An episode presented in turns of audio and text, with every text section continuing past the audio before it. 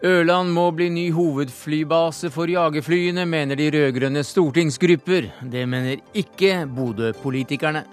Klumsæt fjernes som bistandsadvokat i terrorsaken. Tingretten hevder advokatkontoret lekket fortrolig informasjon til mediene. Et alvorlig angrep på kildevernet, mener VGs Anders Giæver. Det er bare å vise fingeren, så får du øl fra automaten hvis bunnpris får det som de vil. Fingeravtrykk er uaktuelt som, legitim, som legitimasjon, hevder Datatilsynet.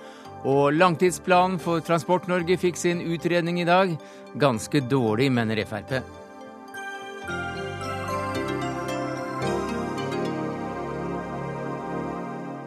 Ja, Det er noen av sakene i Dagsnytt 18 denne skuddårsdagen, der vi også ser på hvordan kalenderen har utviklet seg fra de gamle summererne og til i dag. Men eh, først til eh, valget av hovedflybase for kampflyene, der regjeringens stortingsgrupper altså landet på Ørland i Sør-Trøndelag. Og dermed er Bodøs 60 år lange fartstid som hovedflyplass eh, over, eller hvordan ser du på det, politisk kommentator i NRK, Magnus Takvam? Ja, Etter hvert så blir nok det tilfellet når de nye F-35 kampflyene da etter planen kommer inn fra 2018 så vil eh, Ørland i Sør-Trøndelag bli den nye kampflybasen. Det blir riktignok da en glidende overgang, for de gamle F-16 eh, vil parallelt eh, bli brukt i noen år. Så fra nå av anslagsvis i, i ti år blir en slags overgangsperiode. Det er noen som mener at slaget ikke er tapt for, for Bodø, men, og det skal ikke avgjøres før i juni? Nei, det, det, toget er godt, holdt jeg på å si. Det er eh, Arbeiderpartiet og Senterpartiets stortingsgrupper har med klart flertall vedtatt eh, dette nå. Og det, eh, det er eh, forsvarsministeren, tror jeg, ganske godt fornøyd med. Så sånn blir det nok i, i grove trekk. Fra Stortinget har vi med oss deg, Lars Nehru Sand, reporter i NRK. Hva er det som skjer i vandrehallen der du er nå? Ja, dette er ingen gledens dag for Bodø. Det konkluderte Arbeiderpartiets parlamentariske leder Helga Pedersen med da hun la frem sine eh, konklusjoner fra sitt gruppemøte. Akkurat nå står Bård Vegar Solhjell fra SV her og forteller at på deres gruppemøte var det ti til stede. Fem stemte for Bodø, fem stemte for Ørland. Det betyr at SV ikke konkluderer slik Senterpartiet og Arbeiderpartiet gjør, med at det er helt klart at hovedbasen skal legges til eh, Ørland. Eh, SV gir sine regjeringsmedlemmer et eh, friere spillerom til å da avgjøre dette senere, men alt ligger jo til rette for, som dere sier helt riktig fra studio, at, at Ørland blir hjemstedet til de aller fleste av de litt over 50 flyene vi har kjøpt. Og så ønsker Arbeiderpartiet en fremskutt base i Evenes med fast posisjonerte jagerfly der. Eh, Senterpartiet vil ikke konkludere på Evenes, men uh, sier Nord-Norge, hvilket kan bety at også Andøy, uh, Banak og Bardufoss er aktuelle for uh, Senterpartiets del. Det er også underordnet all den tid Arbeiderpartiet går inn for Ørland og Evenes. Som plaster for såret så får Nord-Norge luftforsvarsledelsen flyttet til Bodø fra Rygge, og det blir også lagt noen kontroll- og varslingstjenester for Luftforsvaret samla på Sørreisa i Troms. Men for Bodø sin del er dette en svart dag. Og mer om det senere i sendinga, da folk er på plass rundt om. Lars Nehru Sand, reporter i NRK fra Stortinget, vi kommer også tilbake til deg.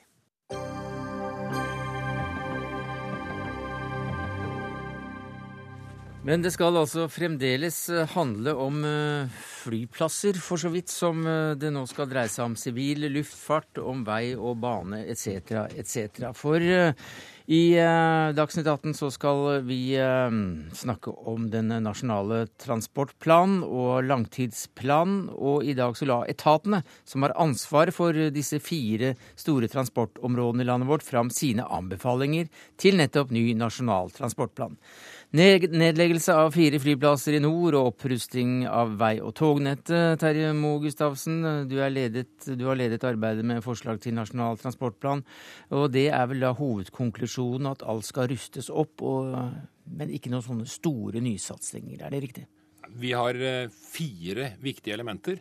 Vi mener at vi må satse mer for å drifte både veier, baner, kysten bedre, vedlikeholde mer men vi må satse mye på å bygge kollektivtransport i byer, gang, sykkel i byer fordi vi får en så stor befolkningsvekst. Vi må gjøre mye for at regionene skal bli kraftigere og få mer og bedre veier og bane. Og vi må gjøre noe mellom regionene og byene. Her kommer bl.a. flyplassen inn. Du nevnte at vi foreslår å nedlegge flyplasser. Ja, det gjør vi, men vi foreslår samtidig å bygge to nye. Og på den måten gjøre det enda bedre for lufttrafikken også i Nord-Norge. Hvilke skal eh, legges ned? Ja, Vi foreslår å legge ned Svolvær, Leknes og bygge en ny eh, felles flyplass på Gimsøya mellom de to stedene. Mm. Vi foreslår å nedlegge flyplassen i Mosjøen bygge ny flyplass på Mo, og da nedlegge den gamle der. Samtidig som vi foreslår å forlenge både flyplassen i Sandnessjøen og eh, ved Stokmarknes. I det du sa nå, så var det litt vanskelig å få øye på, eh, på de klare prioriteringene? Ja, prioriteringene våre er helt klare. Nemlig mhm. at vi må ta vare på den infrastrukturen vi har.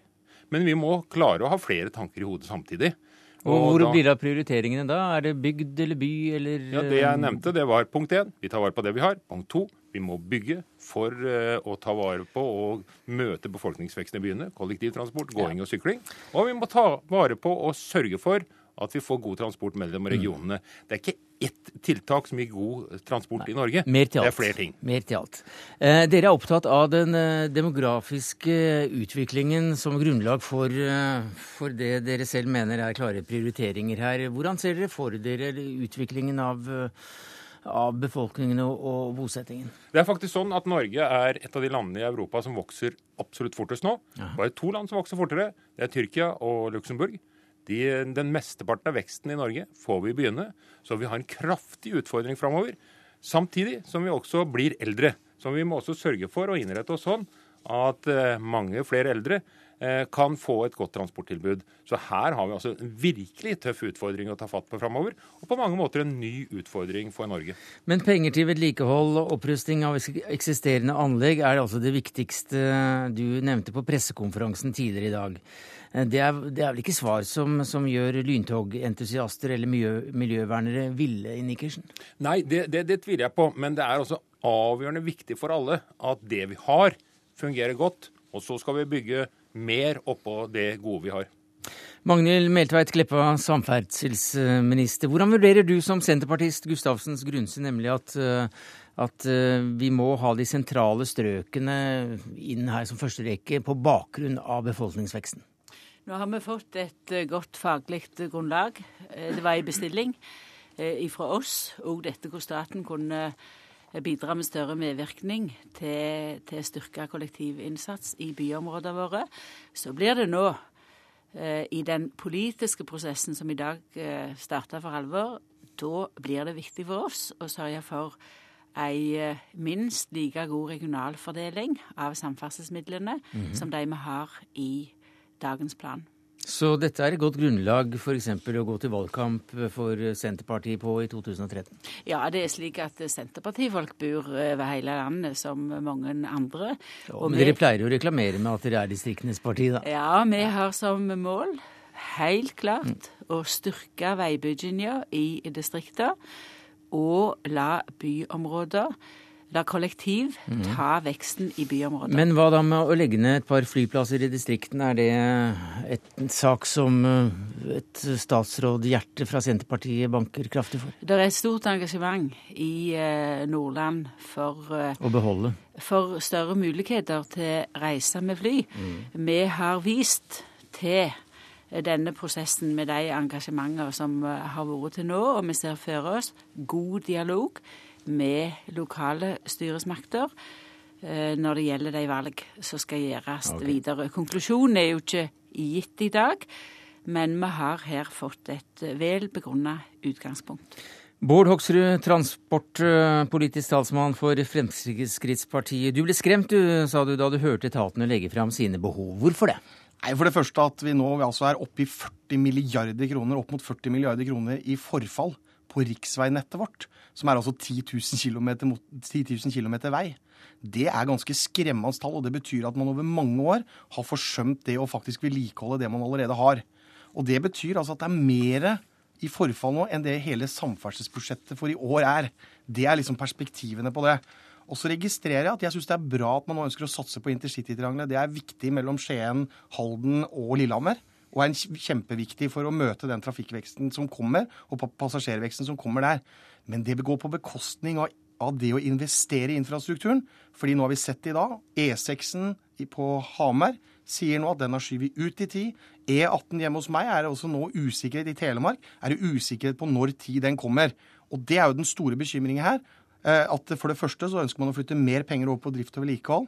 Ta fra investering. Og så skal man mm. søren meg flå bilistene mer med 8 milliarder kroner i bompenger. Hvis man velger 45 pluss-alternativet. Nå glemmer Hoksrud et meget viktig anliggende. I dag har vi fått framlagt uh, det faglige forslaget, forslaget fra etatene. Så skal vi nå ha en politisk prosess. Vi har på forhånd ikke bestemt omfanget, altså rammene. Vi har heller ikke nå bestemt eh, innretningen. Så nå syns jeg nok at du trekker konklusjoner eh, litt enkelt, Hoksrud. Vi har eh, i år, i 2011, så, så fikk Statens vegvesen det de ba om for å stoppe forfallet på riksveinettet. Så må vi nå ta mm. igjen forfallet. Det må vi gjøre, men samtidig må vi gjøre rom for nye prosjekter. Jeg, jeg, synes det er litt spesielt når Kleppa nå sier at de fikk de pengene de trengte for å stoppe forfallet. Hvis man ser på Statens vegvesen sine tilbakemeldinger i året som gikk, så sier de at de klarte ikke å stoppe forfallet med de midlene man fikk fra regjeringa. Så da må i hvert fall eh, veidirektøren bli tydeligere overfor samferdselsministeren for at vi skal få de pengene for å stoppe det forfallet vi nå har. Hva sier eh, du? Et øyeblikk, vi har ja. jo en slik mann her. Ja visst. Eh, det er slik at uh, vi har uh, såkalte beregningsmodeller for å beregne hvor mye trenger vi til vedlikehold til enhver tid. De har vi hatt i mange år, eh, og de beregningsmodellene de har eh, de siste to årene vist at de bevilgningene vi har fått, har vært store nok. Nå har vi gjennomgått disse beregningsmodellene ganske skikkelig de siste månedene. Og vi kommer nå til at eh, vi trenger mer til vedlikehold enn det vi tidligere hadde beregna. Det er en viktig årsak til at vi nå foreslår å heve det beløpet. Og det, er, og det, er, vel realt nok? Ja, og det er veldig bra. Men poenget er at Kleppa sa det rett i stad, at de har fått de pengene de trengte for å møte vedlikeholdsnivået. Jo, men det visste jo ikke at de skulle jo, jo, men, jo, men det står også i rapporter fra Statens vegvesen, bl.a. fra Region Sør, så står det mm. svart på hvitt at vi klarer ikke dette allerede i fjor. Men Kleppa har hele tida hevda at dette er ikke noe problem. Mm. Og det er altså gått fra 12 milliarder til 40 milliarder. Jeg må jo ta veidirektøren på alvor når jeg stiller spørsmål og får svar tilbake. Og han får økt veivedlikeholdsbudsjettet sitt med 60 du, du, du, du har ikke bedt om nok penger, du? Jeg har bedt om det våre beregningsmodeller har vist, Men de var feil. fått det. Og som jeg sa for et lite øyeblikk siden, de beregningsmodellene viser seg nå, når vi nå går gjennom det på nytt, at uh, vi må ha mer for mm. å holde hvem, litt Hvem er det som har ansvar for disse gamle modellene, da? Ja, Hvem som har ansvaret, hvis vi ser historisk på det, det, det kan nok uh, diskuteres. Det vet jeg faktisk ikke. Men det som er viktig, det er at vi nå går gjennom dette og får oppdatert det med mm. de utfordringene vi har på veinettet. F.eks. at vi i dag har atskillig mer tunneler enn hva tidligere, og på den måten får et korrekt bilde for framtida. Da lar vi historien være historie, for uh, dere peker også på, på, no, på noen løsninger fra Fremskrittspartiets side når det gjelder finansieringen, for å få fortgang også i investeringer. Ja, det som er viktig, Vi må sørge for at vi får to selskaper, to statlige selskaper ett på vei og ett på jernbane, som får fullmakter på samme måte som Avinor har mulighet til å låne penger til å investere i infrastrukturen sin. Det må vi gjøre på vei og jernbane også. Og det har jeg lyst til å utfordre mm. Kleppa på. Vil hun være med på det? Eller er det sånn at det er sånn motstand mot sånne gode løsninger for å løfte investeringene på, jern, på vei og jernbane? Minner om et retorisk spørsmål. Vil du være med på gode løsninger, eller vil du ikke? ja, jeg har bestilt uh, to prosjekter som skal være ferdige nå i vår, som nettopp går på uh, vurdere ulike typer finansiering. Jeg mener vi skal gå inn i neste Nasjonal transportplan med et åpent sinn, òg i forhold til løsninger for finansiering. Jeg vet ikke om det var svar godt nok for deg, uh, Bård Hoksrud, transportpolitisk talsmann for Frp, men det var iallfall det du fikk av Magnhild Meltveit Kleppa, samferdselsminister i Senterpartiet. Takk også til Terje Moe Gustavsen, leder for styringsgruppen og veidirektør.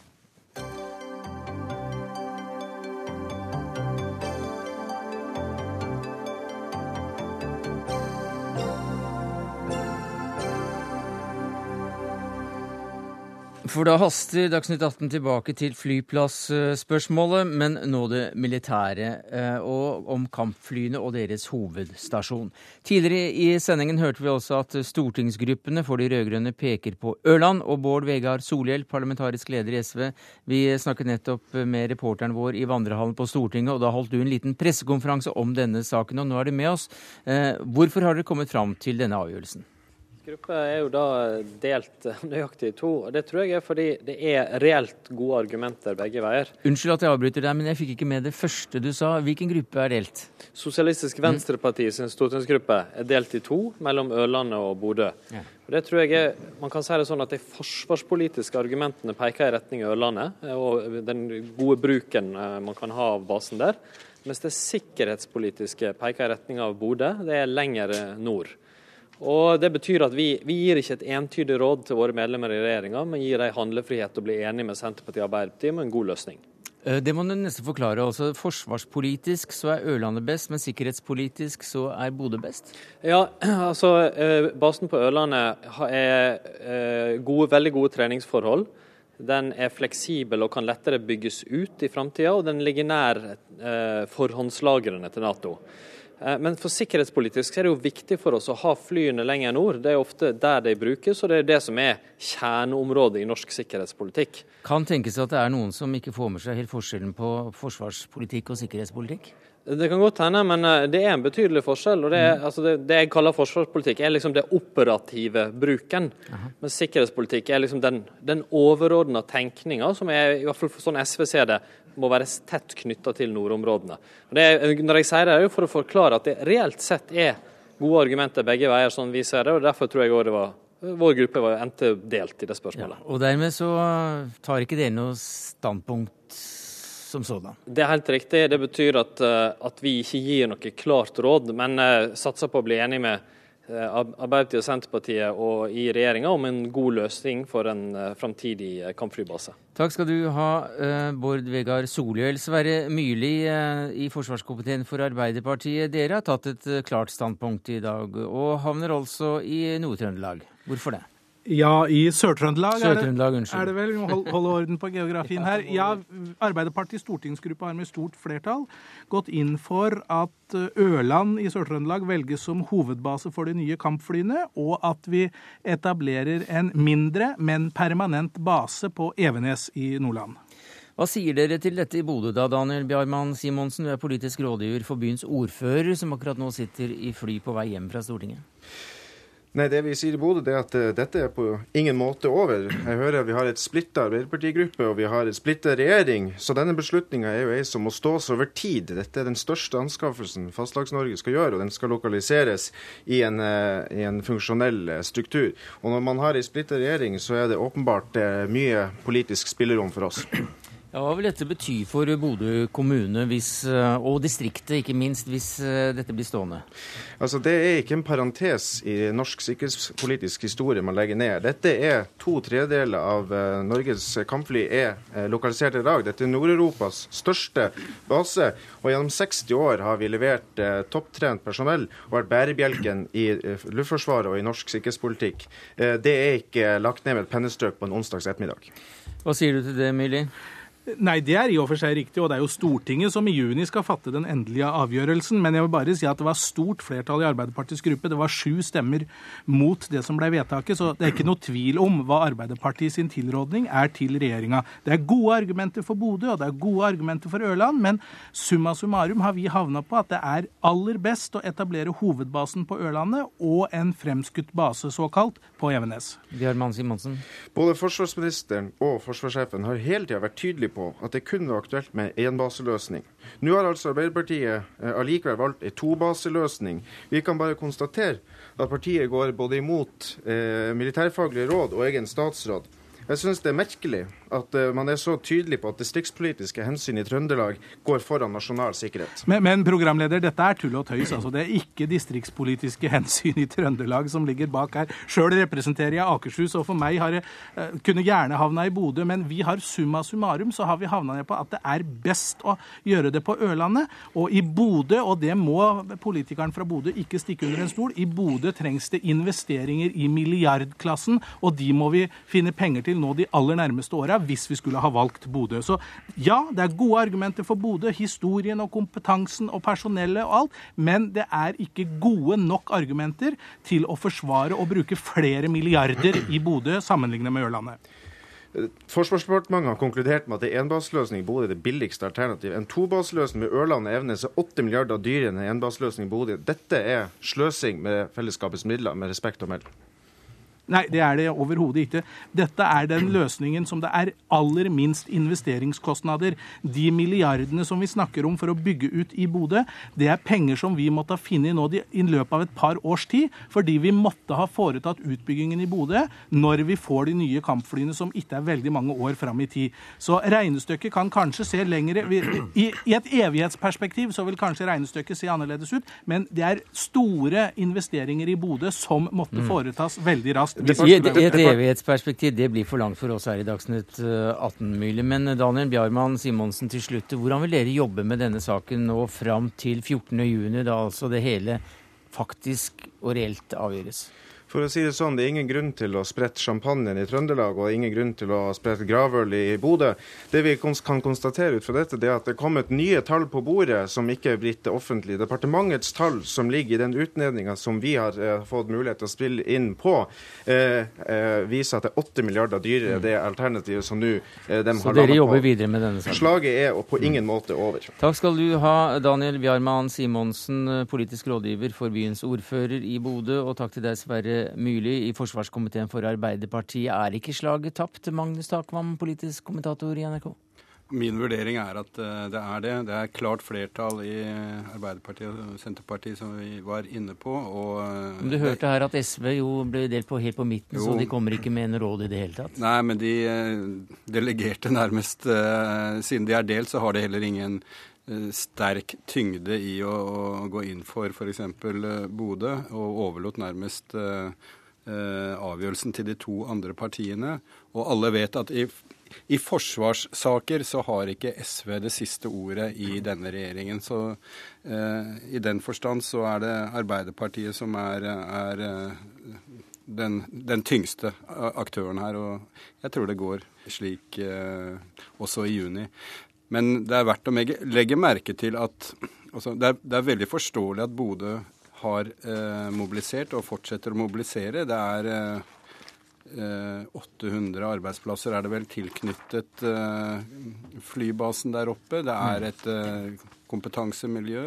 Eh, og det er eh, hele denne sikkerhetspolitiske argumentasjonen med tilstedeværelse i Nord-Norge er, er, tunge argumenter. Mm. Og det er vel derfor også Arbeiderpartiet valgte da å legge en permanent, mindre operativ base med kampfly, eh, fem, seks, sju, åtte fly kanskje permanent eh, i Evenes. Jan Eirik Hansen, du er sjefredaktør i Avisa Nordland. Eh, hva mener du om avgjørelsen?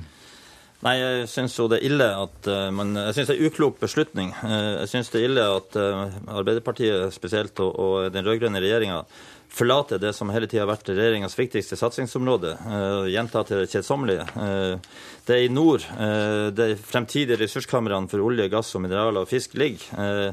Det er flere land som lukter på nordområdene. Kina. det er i nord vi grenser til Russland. Russland er opptatt av symbolpolitikk og balanse, og Putin vet vi ruster opp for milliardbeløp på grensa mot Norge og Finland. Samtidig så bygger Nato ned sin innsats eh, i vår del av verden, eh, delvis pga. dårlig økonomi, og delvis for at de må rette blikket mot andre deler av, av verden. Uh, og når vi også tar med at mer enn to tredjedeler av norsk myndighetsområde ligger i nord, uh, så er det merkelig at vi, vårt svar er å trekke uh, kampflyene ut av nordområdene. Ja, Men de gjør jo ikke det. Dere får jo en ganske stor andel, selv om hovedflybasen da blir i Sør-Trøndelag? I dag er det altså to tredjedeler av basen som er lokalisert i nord, eh, i tråd med myndighetsområdet. Mm. 50 eh, fly kommer til Ørlandet, og fem-seks fly kommer til, til, Evenes, sånn som det ser ut nå. Og det er en ren utflagging av kampflyvirksomheten i Nord-Norge. Noe annet kan ikke sies om det. Hva vil dette bety for distriktet, slik du ser det som redaktør for lokalavisa? Nei, det er klart at eh, Som Takvam var inne på her, så er det 850 arbeidsplasser cirka knytta direkte til basen. Det er beregna at over 2000 arbeidsplasser eh, som direkte følgekonsekvens kommer til å gå med i sluket. Eh, det er et voldsomt tilbakeslag for Bodø. Det er en svart dag for Bodø, og det er også en svart dag for, for Nord-Norge. Eh, Bodø er også, kommet, er også den store taperen i eh, i dette spillet, også fordi at man eh, ikke fulgte opp forsvarssjefens råd om å flytte aktivitet fra Sørreisa til, til Bodø. Det er snakk om opptil 200 arbeidsplasser som heller ikke kom til Bodø. I tillegg så flagga man altså ut 850 arbeidsplasser. men, men et øyeblikk, jeg må bare, bare, gå litt videre her, for, for jeg er interessert i å høre hva du syns om prosessen. Nei, Jeg stussa jo i likhet med Bjarmann Simonsen over at uh, hele tida har man vært knalltydelig på at det er én base og intet annet. Og så uh, kommer det plutselig opp uh, et slags tobasealternativ. Det er jo ikke det. Men da er det en del kostnader som er ukjente, og som i alle fall ikke er i stand til å redegjøre for nå. Men det er forhåpentligvis de som har gjort innstillinga, har mulighet for, mm. for, å gjøre det. Magnus Takvam, hva kan det skyldes at begrunnelsene svarer her? Nei, Det er altså Forsvarssjefen gikk jo klart inn for, eh, for Ørland eh, som kampflybase. Og hadde eh, Selv om han sa at eh, hadde det vært økonomisk og militærfaglig eh, best å legge den til Bodø, så hadde han foretrukket det. Eh, så i tillegg til økonomi, så er det er det, det, å legge en kampflybase, nå, en framtidig kampflybase i, en, i en storby, er et argument. Det er treningsmulighetene for kampflyene rett ut fra Ørland, som ble brukt som et viktig argument, altså de mer sånn militærfaglige argumentene.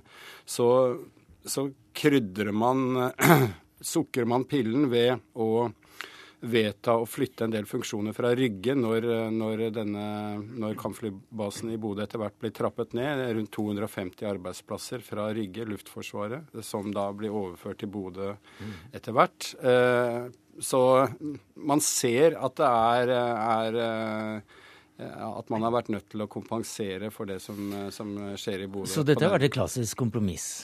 Ja, det har det vært. Og eh, så blir det spennende å se hva de andre partiene eh, lander på, Høyre f.eks. Og om dette da, misnøyen i Bodø, er noe Høyre strategisk velger å spille på f.eks. Og, og kanskje lande der de. Og, Men det spiller denne rolle? Nei, men Det kan bli et tema i valgkampen, mm. hvis man velger det. Det er et av eh, spenningsmomentene. Ståle Ytrehus, eh, reporter i NRK Trøndelag. Eh, det er mørke skyer over Bodø lufthavn. Desto lysere utsikter for Ørlandet, der, der du er? Ja, du verden. Eh, hvis, du hadde, hvis, jeg hadde kunnet hørt jubelen eh, via mikrofoner, så hadde antageligvis eh, det hørtes fra alle stuer og kjøkkener og alt som er på Ørlandet nå. Men nå har vel denne jubelen ligget latent eh, hos ørlendingene siden forsvarssjefen kom med sin innstilling i november. Og at dette er alvor for ørlendingene, det er helt sikkert. En av de jeg snakket med i dag på, på direkten her i NRK Trøndelag, var så spent og så med i dette at hun eh, tok til tårene. Og det tror jeg er et eh, tegn som nok gjelder mange. Dette er veldig, veldig viktig for folk, selvfølgelig. Her er det 5000 innbyggere i Ørland i dag. Man spår at eh, med flybasen så vil det være 10 000 mennesker her i løpet av eh, en tiårsperiode. Så, så, eh, nå, men nå har de jo ørlendingene gått i over 20 år og vært usikre. For Ørland hovedflystasjon har vært nedleggelsestrua i, i over 20 år. Den var også nedleggelsestrua i 2007, der eh, forsvarssjef Disen snudde fra Ørland til Bodø på en formiddag eh, på et møte i, nede på Rygge. Så ørlendingene er vant til eh, store bevegelser, og, og er også ofte veldig bevega. Nå begynner planarbeidet. Alle skolene er fulle, barnehagene er fulle, sykehjemmet er fullt. Og ifølge rådmannen så har de planer for, for dette, både når det gjelder boliger også, og alt det der. Og, og, de er i startfasen på en eh, prosess der de får alvoret innover seg. For F-35-flyene bråker dobbelt så mye som F-16. Men de sier det spiller ingen rolle. Vi, eh, det er penger i bråket. Vi tar det. Eh, og så snakka jeg med tre karer i dag som man ikke skulle tro hadde særlig eh, viktige meninger og vektige meninger om dette, men det viser seg det at ørlendingene er veldig kunnskapsrike. De kommer med påstander og kommer med argumenter helt ned på detaljnivå, som i grunnen overrasker meg som en reporter som har jobba med dette, den saken her nå i snart mm. tolv år. Så, så, at dette er viktig for ørlendingene, det er altså ingen som helst tvil om. Takk skal du ha, Ståle Ytrhus, reporter i NRK Trøndelag. Vi hørte også at det er penger i bråket her, og Daniel Bjarmann Simonsen som politisk rådgiver, så lovet han mer bråk. Hva tror du eh, vi kan vente oss av aksjoner og bråk fra, fra Bodøs side, Jan Erik Hansen? Nei, det er klart at uh, En sammenligning her. Uh, Viktor Nordmann fra Høyre. Uh, I 2002 så flytta han 900 arbeidsplasser og statlige tilsyn ut av hovedstaden. det skapte voldsomt politisk rabalder. I dag gjør regjeringa det i én operasjon. Flytter like stort antall arbeidsplasser ut av en betydelig mindre by som Bodø i én operasjon. Det er klart, dette skjer ikke uten at det får konsekvenser for oppslutninga mm. fremover. og det kommer til å bli det kommer ikke til å bli noe særlig lystig stemning her. Og, det som også er eh, utfordring totalt sett for denne regionen, at du har i Meløy så er det 600 arbeidsplasser i ferd med å gå tapt i eh, nabokommunen til Bodø. I solcelleindustrien, eh, mm. der er en femtedel av arbeidsstokken allerede er oppsagt og følger konsekvenser rundt det. Så summen av dette er et hardt anslag mot denne regionen. Jeg forstår det også slik, Magnus Takvam, eh, som politisk kommentator i NRK, så mener du at dette slaget er for så vidt tapt. Men hvis det blir en valgkampsak av det, så er det vel nye runder som eh, venter. Og eh, lokal, lokaliseringsdebatter er jo Norge kjent for. Ja, man kan ikke utelukke det. Så med så mye si, skuffelse og mobiliseringsvilje i Bodø, så skal man ikke se bort fra det. Det Arbeiderpartiet sier som svar til dette med arbeidsplassene, er jo at Bodø er en vekstregion, den sterkeste i, i Nord-Norge.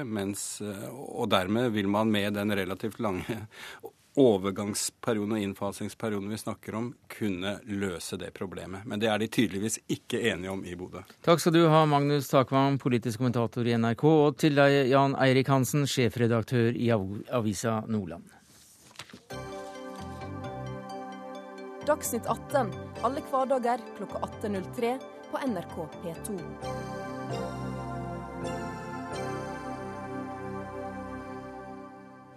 Ja, bistandsadvokat Sigurd Klomsæt fjernes også som eh, bistandsadvokat i 22.07-saken. Det bestemte Oslo tingrett i dag. Retten mener Klomsæts advokatkontor har lekket informasjon til flere medier.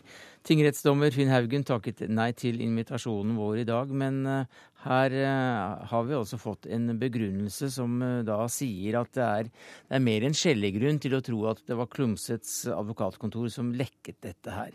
Vi har naturligvis invitert Sigurd Klumset hit også, men han har så langt ikke svart på henvendelsene. Men det har du, koordinerende bistandsadvokat Mette Yvonne Larsen, og du er her. Hvordan vurderer du dagens hendelse? Altså Det var vel ikke helt uventa, uh, ut fra det jeg kjenner til uh, av uh, den etterforskninga politiet har gjort. Så skjønte jeg jo at det kunne gå den veien. Og jeg tenker jo at det er en vanskelig avgjørelse, fordi det er, en, det er mange hensyn som trekker i ulik retning. Men jeg skjønner også at retten så seg nødt til å gå til det skritt og frata han oppnevninga. Ja, hvordan begrunner du det? Jeg begrunner det på flere måter. For det første så er jeg også enig i de som har sagt at av og til så er lekkasjer helt nødvendig. Og jeg mener at også noen av de tingene som har kommet fram i denne saken har vært nødvendig, ikke minst dette med sakkyndigspørsmål og utilregnelig og tilregnelig, som vi ikke skal bruke tid på nå.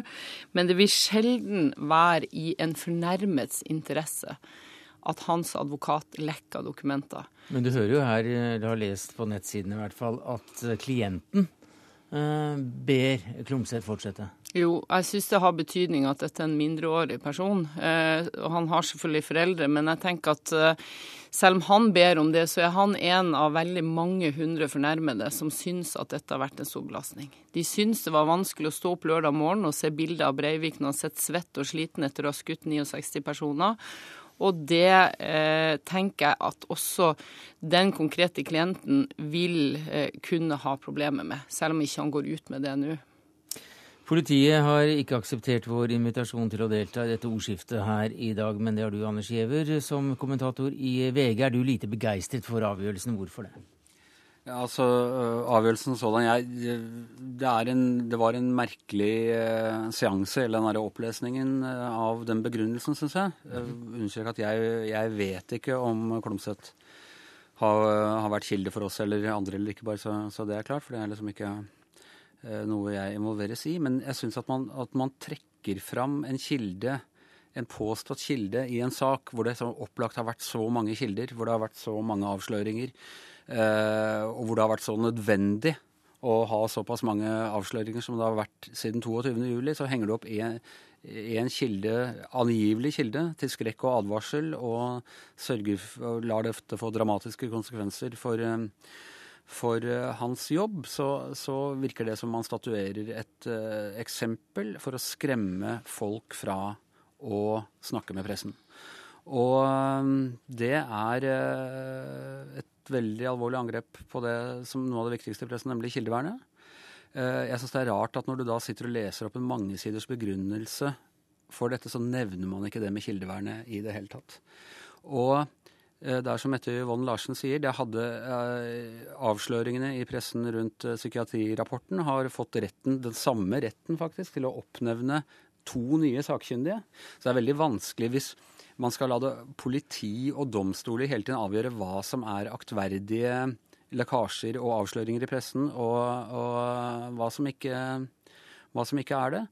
Og det er eh, foruroligende at man, eh, at man, nå sender dette signalet om at kilder vil bli jakta på og kanskje også fratatt sine arbeidsoppgaver. Men man kan ikke nå snakke om aktverdig og muligens og sånn. Altså Man må forholde seg til at retten har konstatert at lekkasjene kommer fra denne personen. Den bevisvurderinga kan ikke vi prøve. Og aktverdig eller ei, vurderinga er om det er tilrådelig at han gjør tjeneste som advokat. Det følger jo av loven. Og det har retten funnet ut at det er ikke tilrådelig, for, fordi han har begått et tillitsbrudd.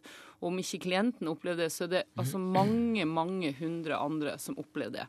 Og det er et så stort tillitsbrudd at man eh, reiser tvil om man kan gjøre tjeneste videre. At media har sine interesser og beskytter kildene, det har ikke denne kjennelsen noen ting med. Her er det vurdert hans egnethet som advokat i saken. No, det er ikke helt riktig, fordi, fordi, i denne samme begrunnelsen så legger de ut veldig moralsk om at, eh, at dette, dette, bildet, mener, mener tingrettsdommeren, viser at media har, ikke holder noe igjen av hva de publiserer, noe som du vet er feil. Eh, det er mange ting mediene ikke publiserer i i denne og i andre saker. Det er ikke noe bevis på noe som helst. Du, jeg kan skjønne reaksjonene på dette bildet, men det er altså ikke et bilde eh, eller materiale som på noen måte satte etterforskningen i fare. Man har tatt en type sak som har skapt en en sterk moralsk reaksjon, og, og, brukt den nettopp derfor. Fordi det er lettere å bruke en sak som skaper en moralsk reaksjon, ved å statuere eksempler. Ja, Men jeg tror det er nødvendig for de fornærmede i fortsettelsen at det statueres eksempel. Det er det ene.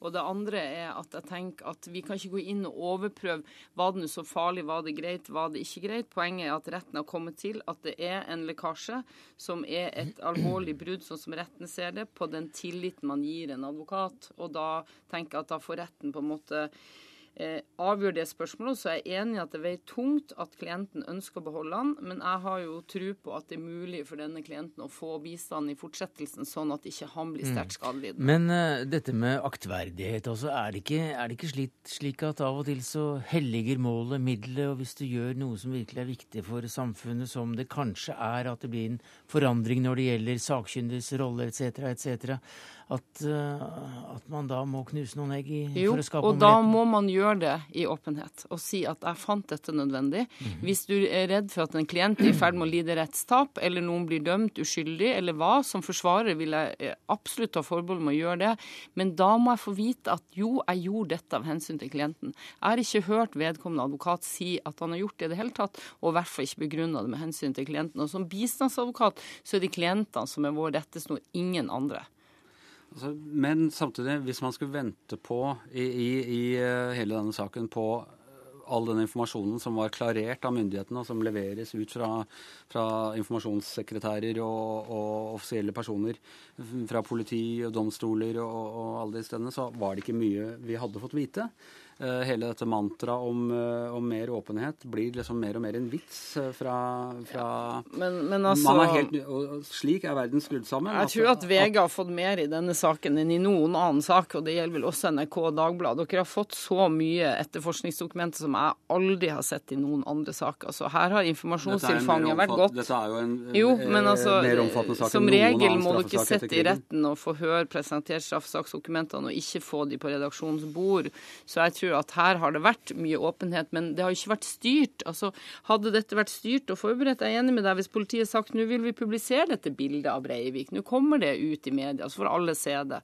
Men når det kommer sånn uforberedt og av en av rettens tillitspersoner som, som skal gjøre offentlig tjeneste, så blir mm. det mer problematisk. Men uh, viser ikke dette da uh, all den tid det er svært mange som tror at det er flere kilder som, eh, som mediene mm. har her de fleste regner det som helt opplagt.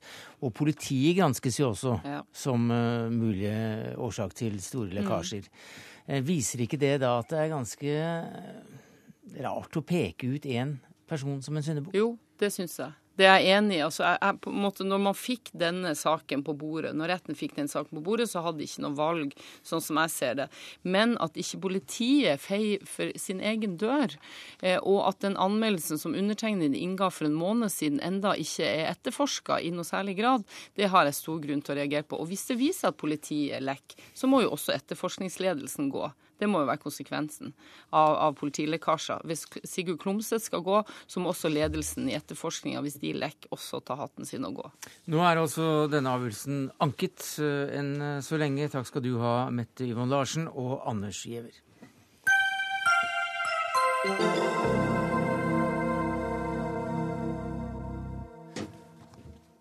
Skal du ta deg en eh, øl i butikken, kjøpe en med andre ord, ja, så er det faktisk eh, bare å vise fingeren, i tillegg til å ha pengene klare da. Iallfall hvis du som leder av dagligvarekjeden Bunnpris får det som du vil, Christian Lykke. Så hva er det du egentlig vil? Hva er det du har funnet på nå?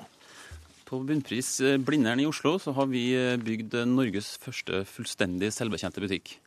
For å gjøre handleopplevelsen enda enklere og enda raskere, så ønsker vi at kunden frivillig, hvis den ønsker, så, kan legge igjen finger, et fragment av fingeravtrykket sitt for å gjøre handelen med aldersbestemte varer enda enklere neste gang. Så, nest, så du, du, går inn og så gjør du et eller annet med fingeren din, som da tas et avtrykk av.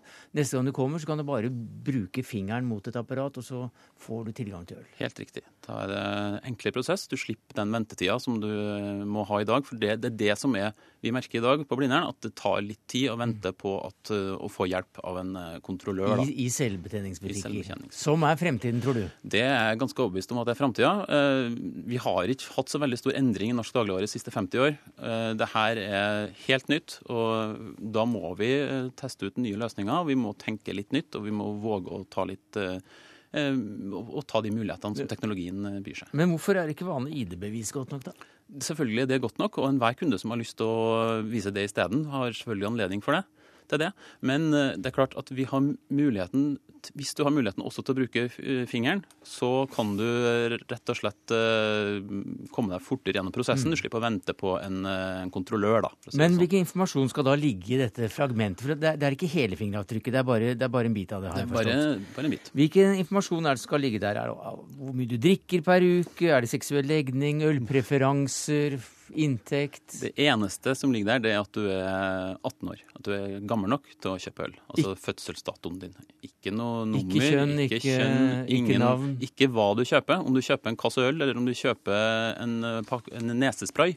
Det, det, er irrelevant, så mm. lenge det er en vare det er alders, som er aldersbestemt. Dette ville ikke Datatilsynet og direktør Bjørn Erik Thon godkjenne. Hva syns du om det? Jeg syns det, eh, det, er litt å legge seg litt bakpå. Dette det, det her er teknologi som har vært kjent lenge, eh, som ikke Norge har tatt noe stilling til, føler jeg.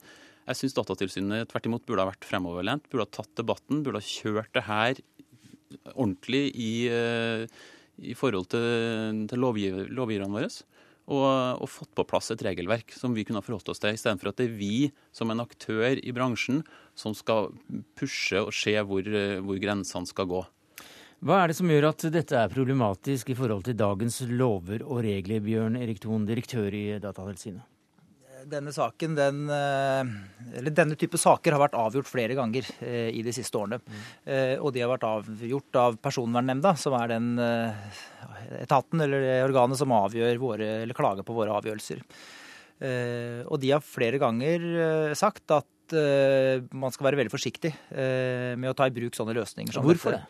Et fragment av en, av en finger. Ja, det, så, Sånn som lovverket er i dag, så sier det at det må være helt nødvendig å bruke biometri, i dette tilfellet fingeravtrykk, men det kan være iris-skanning, det kan være andre ting. Det må være helt nødvendig å bruke den de, de, teknologien. Biometri? At, ja, biometri er det dette kalles. altså Det er en sikker identifikasjon. Det kan være et fingeravtrykk, det kan være iris-skanning, det kan være, være, forskjellige ting. Uh, og det må være helt nødvendig å bruke den type uh, teknologi. Uh, og det har vi i denne saken ikke ansett det for å være. For her kan man bruke andre metoder. Man kan rett og slett vise et, et bevis. Og så, så nødvendig er det ikke å få seg en øl i butikken? Absolutt. Altså, det å få seg en øl i butikken er kanskje ikke en del av temaet her i dag. Altså, temaet er at eller, Datatilsynet har muligheten til å, se, til å gi oss det her, for det, mm. de har gjort det på flyplass. På flyplass kan du gjøre det. Du mm. kan bruke fingeren. Du kan også la være å bruke fingeren. Så sikkerhetsargumentet på flyplass er ikke gyldig, men du har muligheten til å gjøre det. Mm. Denne debatten dreier seg jo egentlig, bør egentlig ikke dreie seg om uh, en butikk på Blindern. Ja, men det er det den gjør. Uh, jo, men denne debatten bør dreie seg om hvorvidt vi ønsker å ha et samfunn som utvikler seg i en retning eh, hvor du må bruke fingeravtrykket ditt for å komme inn dører, for å kjøpe øl, for å kjøpe ting på apoteket, for å kjøpe ting på polet. Altså at det er liksom det som blir identifikatoren. Og det kan godt hende, og det har vi tatt opp tidligere faktisk, det kan godt hende at dette regelverket er for strengt, og at man skal kunne åpne for en fornuftig bruk av fingeravtrykk som identifikator, sånn som i dette tilfellet her sånn, uten å ta stilling til denne saken, for det har vi allerede gjort. Men det kan hende at det er fornuftig. Og jeg syns Datatilsynet har vært veldig fremoverlent i denne saken. For allerede i 2006, jeg sitter med brevet her, så skrev vi et brev til Justisdepartementet eh, hvor vi be, ba om at denne lovregelen ble justert. Mm. Sånn at, være, sånn, at være, sånn, sånn, at det skulle være, sånn at det skulle være lettere og, eh, sånn at det skulle være lettere å kunne bruke biometri. Jo, men Da var dere fremoverlent i 2006, men det er også seks eh, år ja. siden, som Lykke sier. Jo, men jeg syns nok ikke det er Datatilsyn som har som hovedoppgave i samfunnet å være den som er pådriver for at man skal bruke mer eh, fingeravtrykk. Ja, men Skal det, det da være det må... en, en, som har lyst på en, en selvbetjent butikk eh, på Blindern i Oslo? I et vanlig demokratisk prosess så er det de som mener at loven bør endres, som bør ta mm. initiativ til det. Men, men du, men du er, jeg, jeg, jeg skal bare gjenta for lyttere som ikke har fått med seg hvem vi sitter sammen med. Altså, Bjørn Erik Thon, du var jo leder for Forbrukerombudet inntil for forholdsvis kort tid siden, et par år siden. Eh, så dette er vel en god forbrukersak også, å gjøre det enklere for, eh, enklere for oss. Lettere å få kjøpe øl, billigere også sikkert, hvis ikke all gevinsten går til en Lykke eller en Reitan? Eh, jeg sitter her i dag og er direktør i Datatilsynet. Jeg er ikke forbrukerombud. Eh, og det er det som er eh, det viktige for oss i denne saken. Det er å se på for det første bruken av biometri. Hvorvidt skal vi gjøre dette? Og Jeg har fått flere Twitter-meldinger i dag hvor folk sier 'fingeren min får du aldri', så du må huske på det også. Det er ganske mange folk som er skeptisk til denne teknologien. Nå vet jeg at du skal gjøre det frivillig, jeg vet at du skal gjøre det frivillig, men jeg hadde ønsket at du også ville ta en debatt hvor du så på litt samfunnskonsekvens av dette, og ikke bare diskuterte det. Det er ikke debatten i dag ikke, ikke, bare diskuterte rundt en butikk på Blindern. Jeg er klar over at du vil diskutere butikken din og at du vil, vil, snakke om bunnpris, men det dette spørsmålet dreier seg om for oss, det er at hvis man skal ha et, et regelverk hvor man får lov til å bruke biometri, altså fingeravtrykk, iris-skanning i større dag, ja. grad i dag, så er det noe som Stortinget bør behandle. Det er noe man bør ha en ordentlig og grundig debatt. Og det er det, som er, det er det som denne debatten egentlig burde dreie seg om. Ja, den seg ikke om det. Debatt. Den debatten burde du kunne ta hjemme foran speilet. Altså, i dag Det er jo det som er samfunnsperspektivet om det. Og jeg men, forstår altså, at du er en kjøpmann, og at du har lyst til å gjøre dette, og at du har lyst til å markedsføre butikken din og fortelle hvor flinke dere er. Men dette er et samfunnsperspektiv i denne debatten. Og det er det jeg ikke det, det, du, Jeg har vært i debatt med deg flere ganger i dag, og du viker unna det hele tiden. Du ja, men, vil ikke si hvordan du vil at det skal utvikle seg, dette samfunnet. Men bevares, altså, Jeg er helt enig i at vi skal selvfølgelig ha kontroll på det. Det er derfor vi har Datatilsynet. Jo, nettopp for å skille de aktørene som ja. er seriøse, fra jo, de som er useriøse. Jo, men, jo, men Lykke, hør her. Du er ikke helt ukjent med de, de lange linjene og store perspektivene glimrende, for uh, som, uh, som, historiestudent så fordyper du deg i erkebiskopens økonomi på 1400-tallet. Altså tingene har konsekvenser her. Og det går, det, det går, jo an å løfte blikket og se på at hvis dere får dette til som et uh, lite fragment av fingeren, som en, som en nøkkel til å kjøpe øl, ja, så vil det gi konsekvenser for andre deler av samfunnet. Det er nettopp det som er Datatilsynet og Ton sin jobb, nemlig å skille hva som er god bruk av biometri fra hva som er misbruk, og hva som kan, være, kan sette oss i en eh, dum situasjon i framtida. I dag så sier Datatilsynet nei til alt mm. som foreslås. og det når For ett år siden så sa Bjørn Erik Thon til eh, Teknisk Ukeblad at han ikke skulle være en direktør i Datatilsynet som skulle si nei til alt som kom. Han skulle være fremoverlent og ta eh, teknologien på alvor. Og det syns jeg mm. ikke skjer i dette Ton, Du kan jo ikke forlange at en kjøpmann fra Trondheim skal stå for eh, en stor debatt om de viktigste prinsippene for framtiden når det gjelder bruk av teknologi her. Jo, det syns jeg. Jeg syns når man kaster fram et, eh, et, argument som dette, og eh, her fronter en sak om mer bruk av biometri i dagligvarehandelen, mm. så syns jeg man skal ta et samfunnsperspektiv for det. Det syns jeg man skal gjøre, og spesielt når man da tydeligvis har hovedfag i historie i tillegg. Eh, men det er klart at altså, her er det noen demokratiske regler som gjelder, og det er ulike aktører som, som, som har en rolle å spille her. Og vi har gitt et innspill til Justisdepartementet i 2006. Vi har sagt mm. flere ganger til Justisdepartementet seinere myke opp Jo, la meg få avslutte. Ja. Vi skal gjøre en oppmyking i disse reglene. Men inntil det skjer, så kan ikke vi bryte lovverket. Ikke, altså, da, da, får jeg kjeft av Personvernnemnda, da får jeg kjeft av departementet. Og hvis jeg driver og bryter loven hele tiden, så kan jeg i siste instans miste jobben min. Ja, ingen, ingen, ingen, ingen, gir dere fingeren her i, i studio, mine her, men her sånn som jeg bare setter ned foten, i hvert fall. Bjørn Erik Thon, direktør i Datatilsynet, Christian Lykke, leder av dagligvarekjeden Bunnpris. Takk skal dere ha.